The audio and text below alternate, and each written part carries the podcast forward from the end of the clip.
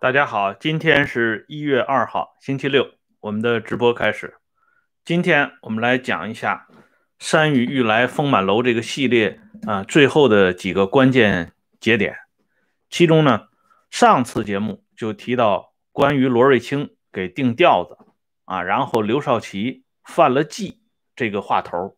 那么今天呢，我们来看一下这刘少奇在整个的四清运动里边，为什么让伟大领袖如此的动怒。实际上，这个话呢一说，就一下子延伸到了刘少奇的妻子王光美的身上。啊，我们知道，一九六六年十月二十四号这一天，召开了一次特殊的中央工作会议。毛泽东后期，中央工作会议已经取代了正常的中央全会，凡是不方便。拿到中央全会上边讲的，都开中央工作会议，这样呢，中央工作会议上定的调子就成为日后中央全会必须追认的一个程序或者叫手续。党的全国代表大会呢，就成了履行这些程序和手续的普通工具了。这是毛的一个重要的发明，而到了邓小平。的时候呢，啊，邓呢就更简化了啊。邓的名言是宜出不宜细，所以呢，更要啊出调门的来处理这类事情。他就把这中央工作会议也给简化成为党内民主生活会啊。通过民主生活会就可以随意的搞掉张三儿，搞掉李四，然后由中央全会追认一个手续。哎，就这两代领导人都各有发明创造，程序越来越简单。那么，在一九六六年十月二十四号这一天的中央工作会议上，毛泽东是这样提到王光美的。毛当时说的原话是：“现在闹独立王国，许多事情不与我商量，如土地会议、天津讲话、山西合作社否定调查研究，大捧王光美。”嗯，从这番讲话当中，我们看到毛把源头追溯的很远啊，追溯到当年土地会议，就是四十年代后期华北的全国土地会议和进城前后的天津讲话，以及高饶事件中的山西合作社这三件大事同大捧王光美联系起来。可想而知，这大捧王光美在伟大领袖心目当中是一个什么样的地位？而对于刘少奇来讲，这又是一个什么样的概念？所以今天我们要特别的先讲一下大捧王光美的由来。这大捧王光美这件事情上，应该讲刘少奇有责任啊！自己的老婆如果自己坚持。像周恩来那样，就是不让邓颖超进入到行政五级这个概念当中来，就是不让邓颖超进入到全国人大常委会副委员长这个位置上来，甚至就是把他的名字从中央政治局委员的名单中抹掉。应该讲不是做不到的，但是刘少奇没坚持住啊，这没坚持住呢。一方面，你可以理解成众星捧月，大家太想让王光美同志出来亮相了；但另外一方面，也说明共产党员修养的啊创造者刘少奇同志修养明显不够，至少不如咱们的恩来同志。结果，由于他的共产党员修养修养的不够到位，这样呢？大捧王光美就成为当时一个非常亮丽的、重要的政治的风景线。但是如果真正的咱们说起来，大捧王光美的始作俑者，还真的不是刘少奇。就是说，刘少奇再啊老迈昏聩，再怎么想让自己的老婆出风头，他也不会主动去跟别人别人说啊，说王光美如何如何。这刘少奇不至于蠢到这一步。真正大捧王光美的，一个是毛泽东，一个是周恩来。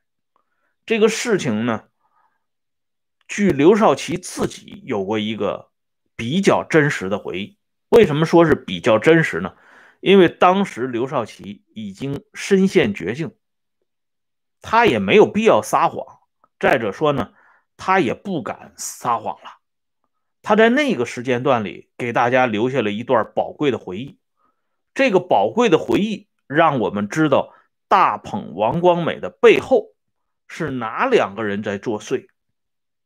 嗯，这个出处呢是在这本书，中国青年出版社出版的《实话实说福禄居》当中，由刘少奇的秘书刘振德啊主编。这本书里边为我们讲了这么一段故事。刘少奇讲，他说那天在大会堂，中央几个领导同志在讨论四清问题的时候，有人提到光美搞四清的经验很好，主席说那就请光美同志来讲一讲嘛。这个时候呢，刘少奇的司机站起来了，他作证。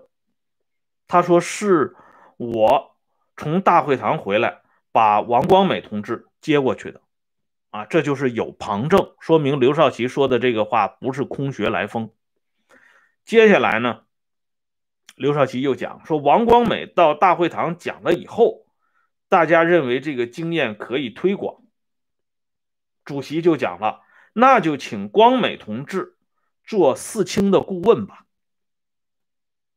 桃园经验以及王光美日后到处去宣讲，这个过程就是这么来的。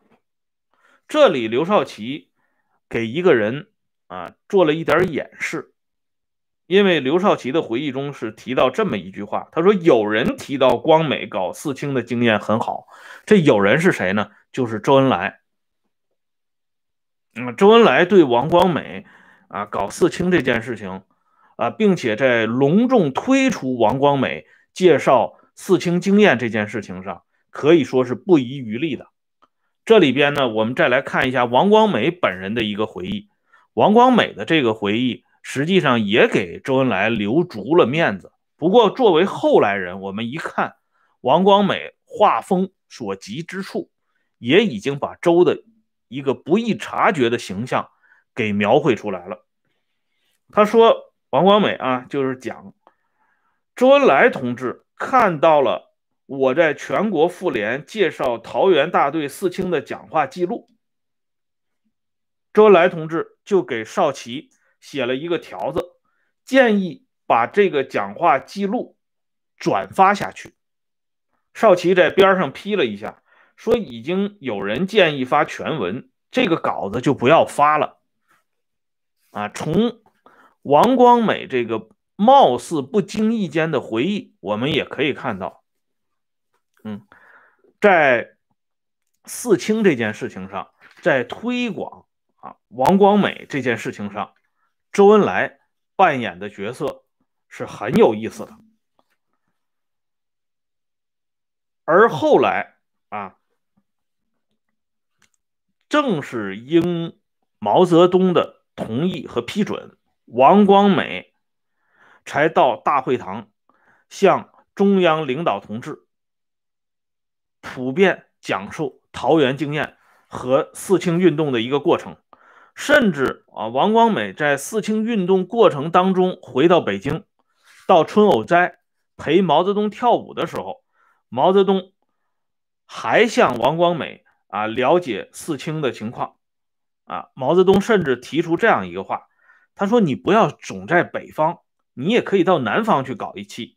我呢，派两个人跟你一起去。”啊，王光美还提出来说，到南方他听不懂南方人说话，但是啊，毛泽东还是把秘书林克和卫士张先鹏派给王光美，让他们两个人一起参加这个四清工作队。毛泽东还说过这样一句话。他说：“你这个四清这个经验搞得很好，我已经把你的这个经验批给了江青，批给了李讷，让他们也跟着你一起好好的学习一下。所以，我们从这个这个一系列的讲话过程当中啊，我们就可以看到这大捧王光美到底是怎么回事王光美自己还有一个回忆，他说有一次在舞会上，他还碰到江青了。啊，江青还跟王光美说了这么一番话，他说：“我现在身体不好，是下不去了。你身体好，等等等等。”说话的口气呢，王光美说有点酸，所以王光美赶紧补了一句：“他说你当初不也曾经下去过吗？我还要向你学习呢。”啊，王光美唯恐江青啊看了他这种啊大出风头。表示不高兴，就赶紧给补台，但是已经来不及了，这个影响已经造出去了。而且就在这个时候，还有一个人又给王光美添了一把才华。这个事情呢，是出现在《四清运动实录》这本书当中，就是文化大革命的三位主帅啊，三驾马车：毛泽东、林彪、周恩来。都在大捧王光美这件事情上做足了文章。一九六四年六月二十一号，刘亚楼空军司令员刘亚楼、空军政治委员吴法宪给王光美写信，反映一个问题：说北戴河有一个姓赵的漏化地主的儿子在空军当飞行员，而阜宁县公安局没有。做出相应的一个通知啊，结果呢，七月三号，刘少奇就这件事情做了一个批示，对阜宁县委和阜宁县公安局的错误提出严肃的批评。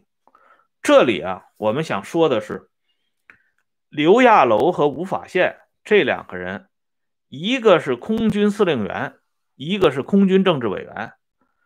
这两个人在清理空军内部阶级问题的时候，他们是有必要向王光美写信汇报吗？更主要的是，啊，空军在当时是天资骄子啊，骄子啊，啊，我们当年讲罗瑞卿系列的时候，大家应该还能够记忆犹新吧？就是说，林彪对空军那一向是非常偏爱。即使在大比武的那种情况下，林彪仍然坚持要把当年的最大的奖项颁给空军。所以刘亚楼、吴法宪能够写信给王光美，什么人才能指挥得动刘亚楼、吴法宪这个级别的呢？这也是不言而喻的。所以透过这么一小条消息，我们就可以看到后来。在发动文化大革命的这架战车上，这三位主要角色：毛泽东统帅、副统帅林彪、秘书长周恩来，这三个人在对刘少奇、王光美这对夫妇最后的政治亮相当中，他们都做了一个什么样的手脚？可以讲，没有一个人是干净的啊！千万别把自己往外摘。我记得啊，这个林彪的女儿林立恒，曾经通过原来空军政治部文艺处副处长叫关伟勋的人，写过一本小册子，就是跟大家介绍说，林彪居然问啊，说刘少奇、邓小平都是好同志，没有理由把他们打倒。刘少奇、邓小平是不是好同志，我们姑且不论。只是这番话出自于林彪之口，你有旁证吗？这就是林立恒自己说的话。他说的这样打倒刘少奇这件事情跟林彪没有太大关系，但事实并非如此的简单。因为接下来上场的一个人物叫雷英夫，这个人。大家应该知道啊，当初在讲罗瑞卿的时候，雷英夫就亮过一次相。雷英夫揭发罗瑞卿那是白纸黑字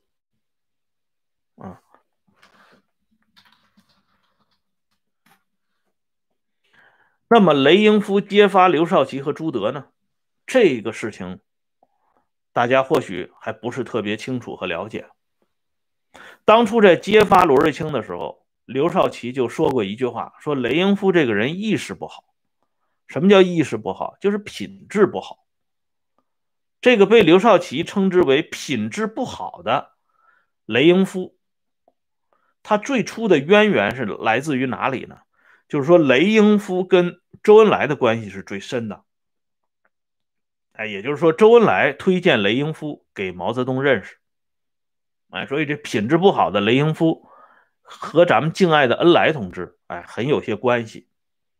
那么雷英夫还有一个重要的揭发，这个揭发呢，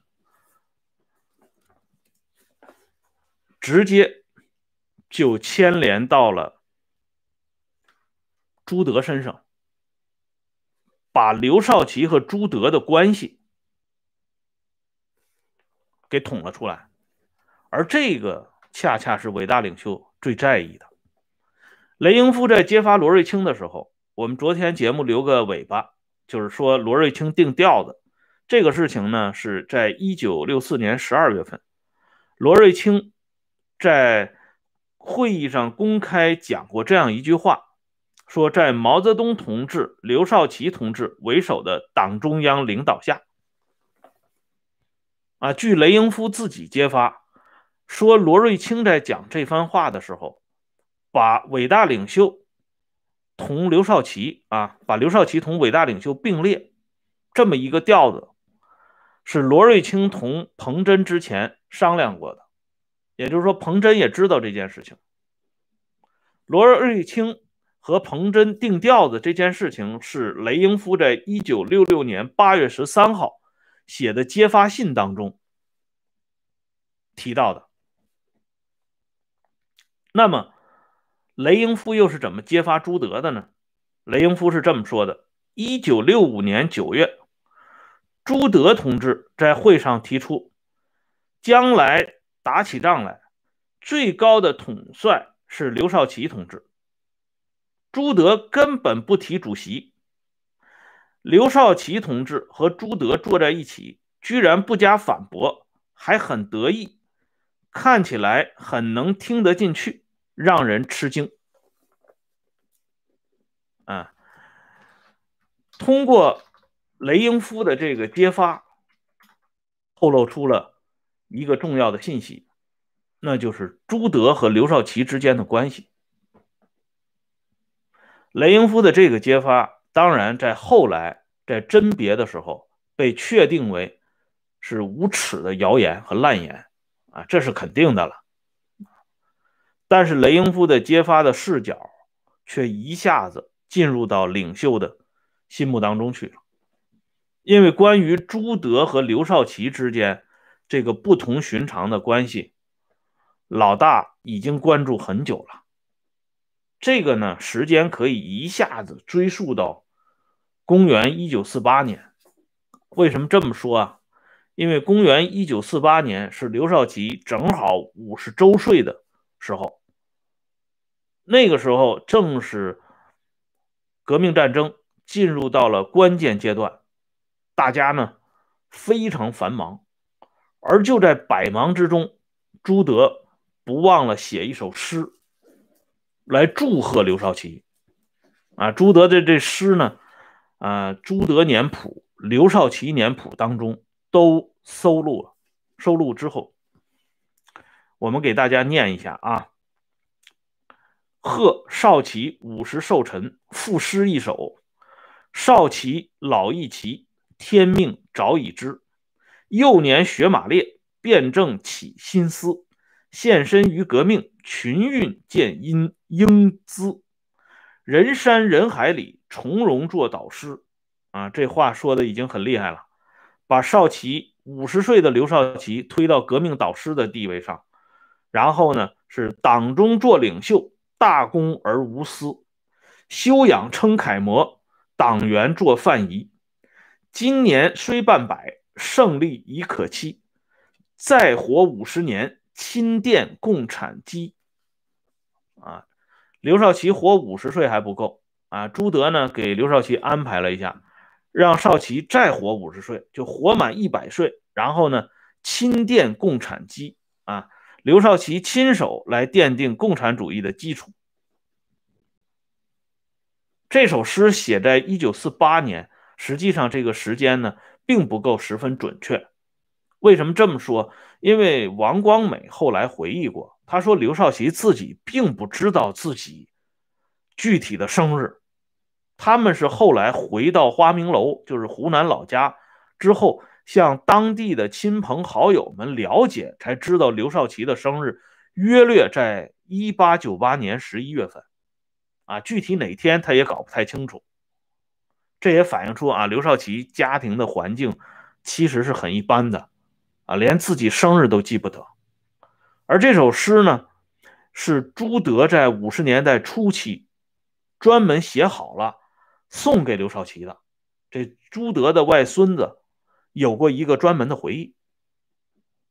哎，从这个例子里边，我们就可以看到朱德和刘少奇他们之间的这个关系，就说战友之情吧，确实是很深厚的。而接下来还有一件大事儿。啊，你光论战友之情还不行，到了冲锋陷阵的时候，到了真正要把刘少奇摆到台面的时候，只有朱德冲了出来。这件事情留给伟大领袖的印象那是特别之深刻，以至于伟大领袖在最高国务会议上专门提了出来。那么这个事情的来龙去脉是一个什么情况呢？咱们明天接着说。感谢朋友们上来收看，我把温相说时政的会员频道给大家发一下，感兴趣的朋友呢可以参加温相说时政会员节目，每天都有更新。刚才有的网友提了讲林立国呀，这个已经讲过好多期了啊，你自己看一下播放列表，毛泽东的接班人的构想那个播播放列表里边有好几期。还有讲这个问说能不能讲皮定均《开国将帅异闻录》啊？第二期讲的就是皮定均啊，欢迎你去查看一下啊。